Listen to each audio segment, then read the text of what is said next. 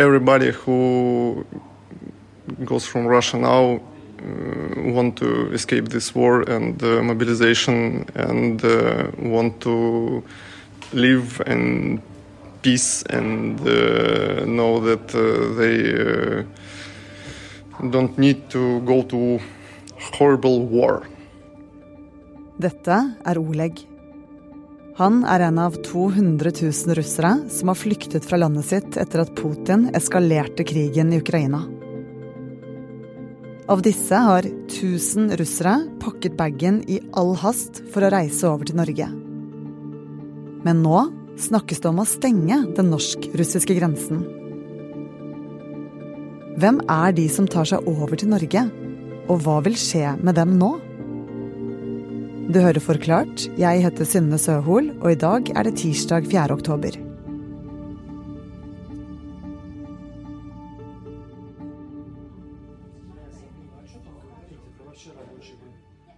Når jeg kom til Kirkenes, så var det mange russere i gatene. I hotellresepsjonene satt folk og venta på å skulle sjekke inn. De lurte på veien videre. Det var en trykka stemning. Pål Vegard Hagesæter er journalist i A-magasinet og har nettopp kommet tilbake fra den norske grensen til Russland.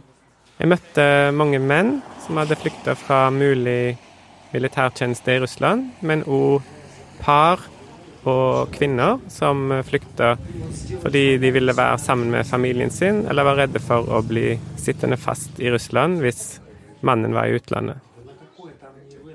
Den som gjorde mest inntrykk, var en mann på 34 år som het Oleg, som jeg møtte på Ishotellet i Kirkenes.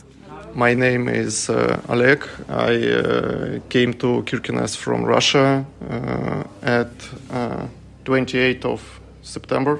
Hva fortalte Oleg? Han uh, skrev komiserier og var en veldig morsom fyr. Men det han fortalte, var veldig alvorlig om eh, de eh, valgene han ville stått ovenfor hvis han hadde blitt mobilisert. In, in Russia uh, now uh, have only two options.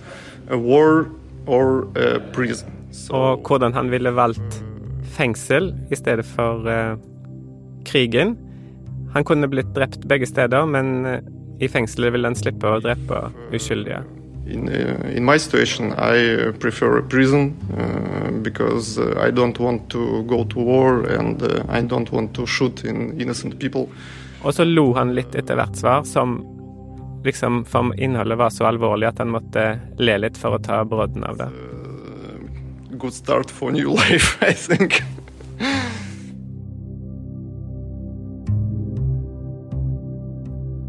Hvorfor reiser disse russerne du møtte? De reiser fordi eh, Putin har jo gitt en ordre om delvis mobilisering, og de frykter å få en eh, innkalling. De kjenner kanskje folk som har blitt innkalt allerede, og dette er jo da unge folk, eh, stort sett under 35 år, som er i faresonen for å bli sendt til fronten. Og så er det kvinner og familier som drar for å være sammen med mannen sin eller familien sin. Men å komme seg ut av Russland er ikke bare bare. Reiseruten er dyr og krevende, og folk har flyktet i siste liten. Pakka med seg klær, PC, papirer i hui og hast. Tatt ut mye cash. Mange hadde med seg over 100 000 kroner i euro, fordi de kan ikke bruke sine betalingskort i Norge. Mange har tatt fly fra Moskva til Murmansk, og så har de tatt buss, minivan eller privatbil videre. Det har gjerne kosta over eh, 10 000 kroner. Noen har fått hjelp av folk i Murmansk som har stilt opp og kjørt de gratis over. Men før du kommer så langt, må du gjennom tre sjekkpunkter og tre lister. Står navnet ditt på én av de listene, kan du bare glemme å komme over grensen.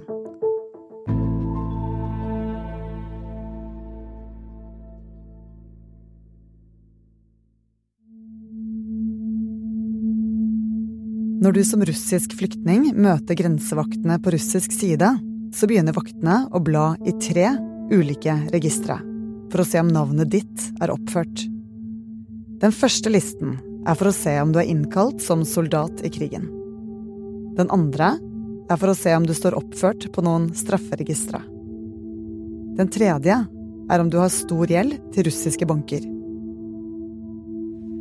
Passerer du gjennom der, kommer du til det neste russiske sjekkpunktet på grensen, der det blir sjekka om de har papirene i orden for å slippe ut av Russland med pass og visum. Så kommer de til den norske siden, der de skal vise fram at de har turistvisum for Schengen. Og det er jo et krav om at de har bestilt hotell, flybillett og har en plan for reisen videre. Ja, hadde de det, da? Noen uh, hadde ikke det, men uh, da bestilte de bare på sparket og viste fram en booking, og så var det greit, fortalte de. Ja, Så dette her var ressurssterke russere, eller, som kom over grensen? Ja. Nesten alle jeg møtte, vil jeg si var øvre middelklasse. Unge folk. Mange under uh, eh, 25, til og med. Mange jobber i kreative bransjer som film, TV, eh, medier.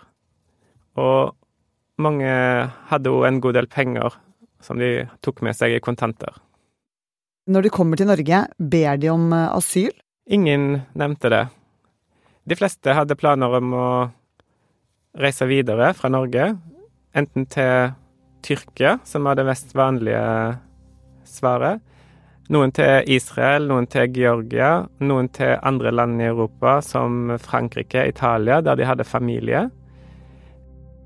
Noen for, så på det hele som en ferie, og ville ta en dag i Tromsø, en dag i Bergen, litt i Oslo, før de kanskje endte opp på ei strand i Indonesia. Det var få som så på seg sjøl som flyktning i utgangspunktet. Og asyl, hva er det for noe? Folk hadde ikke noe forhold til det. For å komme inn i Norge og andre Schengen-land kreves altså at du har turistvisum eller visum i forbindelse med studier eller jobb. Har du ikke det, er det mulig å reise til Tyrkia, Georgia og Kasakhstan. For her slipper russere inn uten visum. I don't uh, know how to live there now because uh, uh I'm losing my jobs. Dara var ei 24 år gammel jente fra Moskva. Jobba med film. Hun hadde sagt til mannen sin, eller kjæresten sin, at uh, du må dra når denne beskjeden om mobilisering kom. Så han dro til, først til Iran, og så videre til Dubai og Georgia. Og så, når uh, nyheten om at uh, grensene kanskje kunne bli stengt, så fant hun ut at hun måtte dra, for hun ville ikke bli sittende fast i Russland. Så to dager etter at han fløy av gårde, så dro hun til Kirkenes. I decided to kind of escape, just to have a little bit more opportunities for my life. Og hun eh, kom da helt alene til Kirkenes og håpte eh, å dra videre til Nis i Frankrike, der hun hadde familie. Og så var planen kanskje å bli gjenforent med kjæresten i Istanbul om noen uker, for han hadde ikke turistvisum til Schengen, sånn som hun hadde. I went because uh, I disagree with everything what is happening now in Russia. I'm very scared, and uh, I'm wor I'm worried about my future, about future of my friends, my family, about future of Russia, everything.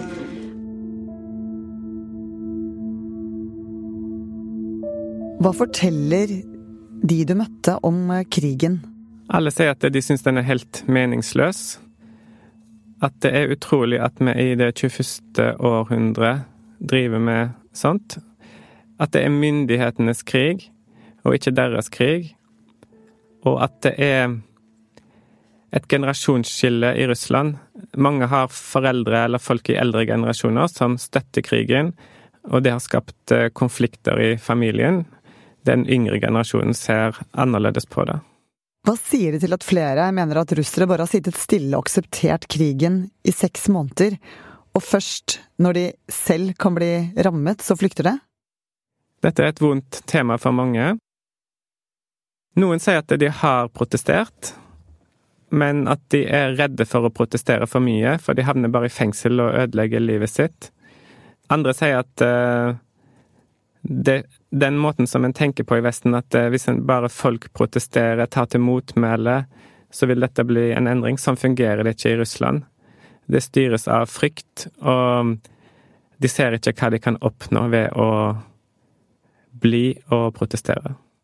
Og Pål Vegard, justisminister Emilie Mehl eh, sier at eh, de nå har økt beredskapen på grensen. Hva skal til for å stenge grensene helt? Jeg tror at det handler om hvis det blir en enorm tilstrømming, sånn som vi har sett eksempel i Finland, så vil det kunne bli en utfordring for Norge.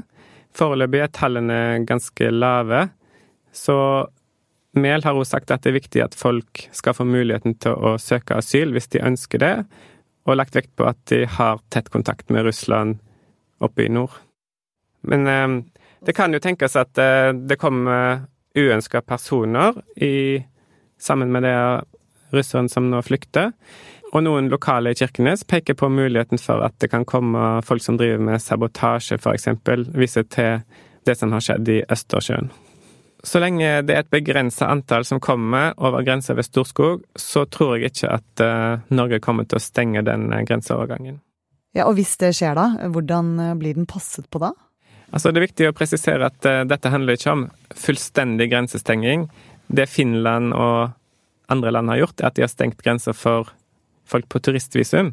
Så det vil nok fortsatt være mulig å passere med andre typer visum, som eksempel arbeidsvisum, organisasjoner, offisielle ærend.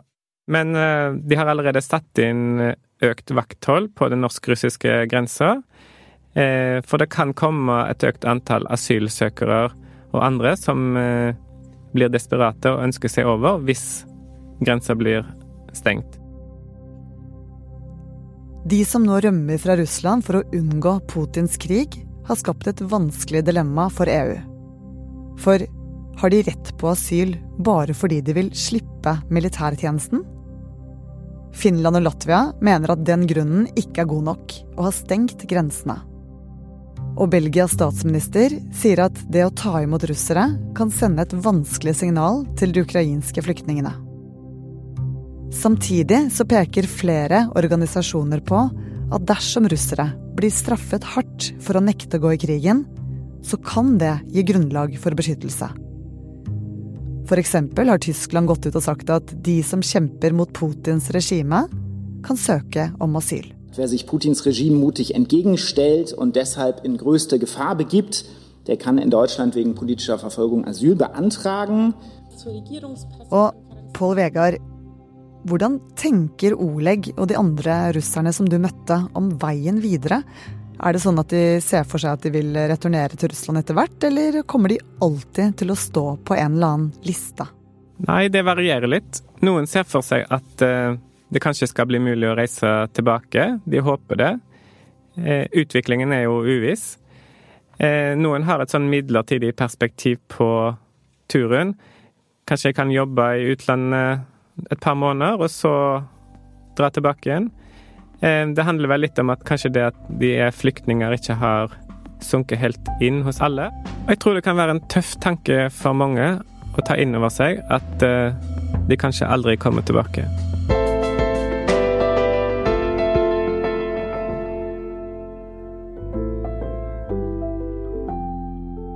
Det var journalist Pål Vegard Hagesæter som fortalte om de russiske flyktningene på norskegrensen. Du hørte Pål Vegard sine egne opptak fra Kirkenes, og ellers hørte du lyd fra nyhetsbyrået AP. De som har laget denne episoden, var produsentene Fride Nesten Nonstad og Jenny Førland. Og programleder var meg, Synne Søhol. Resten av Forklart er Anne Lindholm, Marit Eriksdatter Gjelland, David Vekoni og Anders Weberg.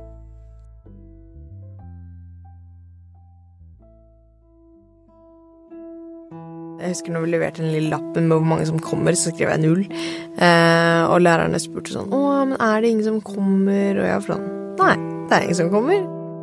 I podkasten Fortalt møter du Jesse, som gjør alt hun kan for å ikke skuffe foreldrene sine. Og jeg husker jeg og broren min måtte lese Nav-vedtak og meldinger fra skatteetaten når vi gikk i fjerde klasse, fordi vi snakka jo kinesisk hjemme, og Jeg bare så på broren min, og han så på meg, og vi bare Hva i alle dager er et vedtak? Foreldrene hennes kom som arbeidsinnvandrere til Norge, og de har alltid drømt om at hun og broren skal få et annet liv enn det de selv har hatt. Jeg følte jo ikke at det var på, på grunn av meg at hun var på sykehuset, men eh, ja, jeg fikk litt skyldfølelse Ja, jeg, jeg, vet ikke, jeg bare fikk litt skyldfølelse i meg på det.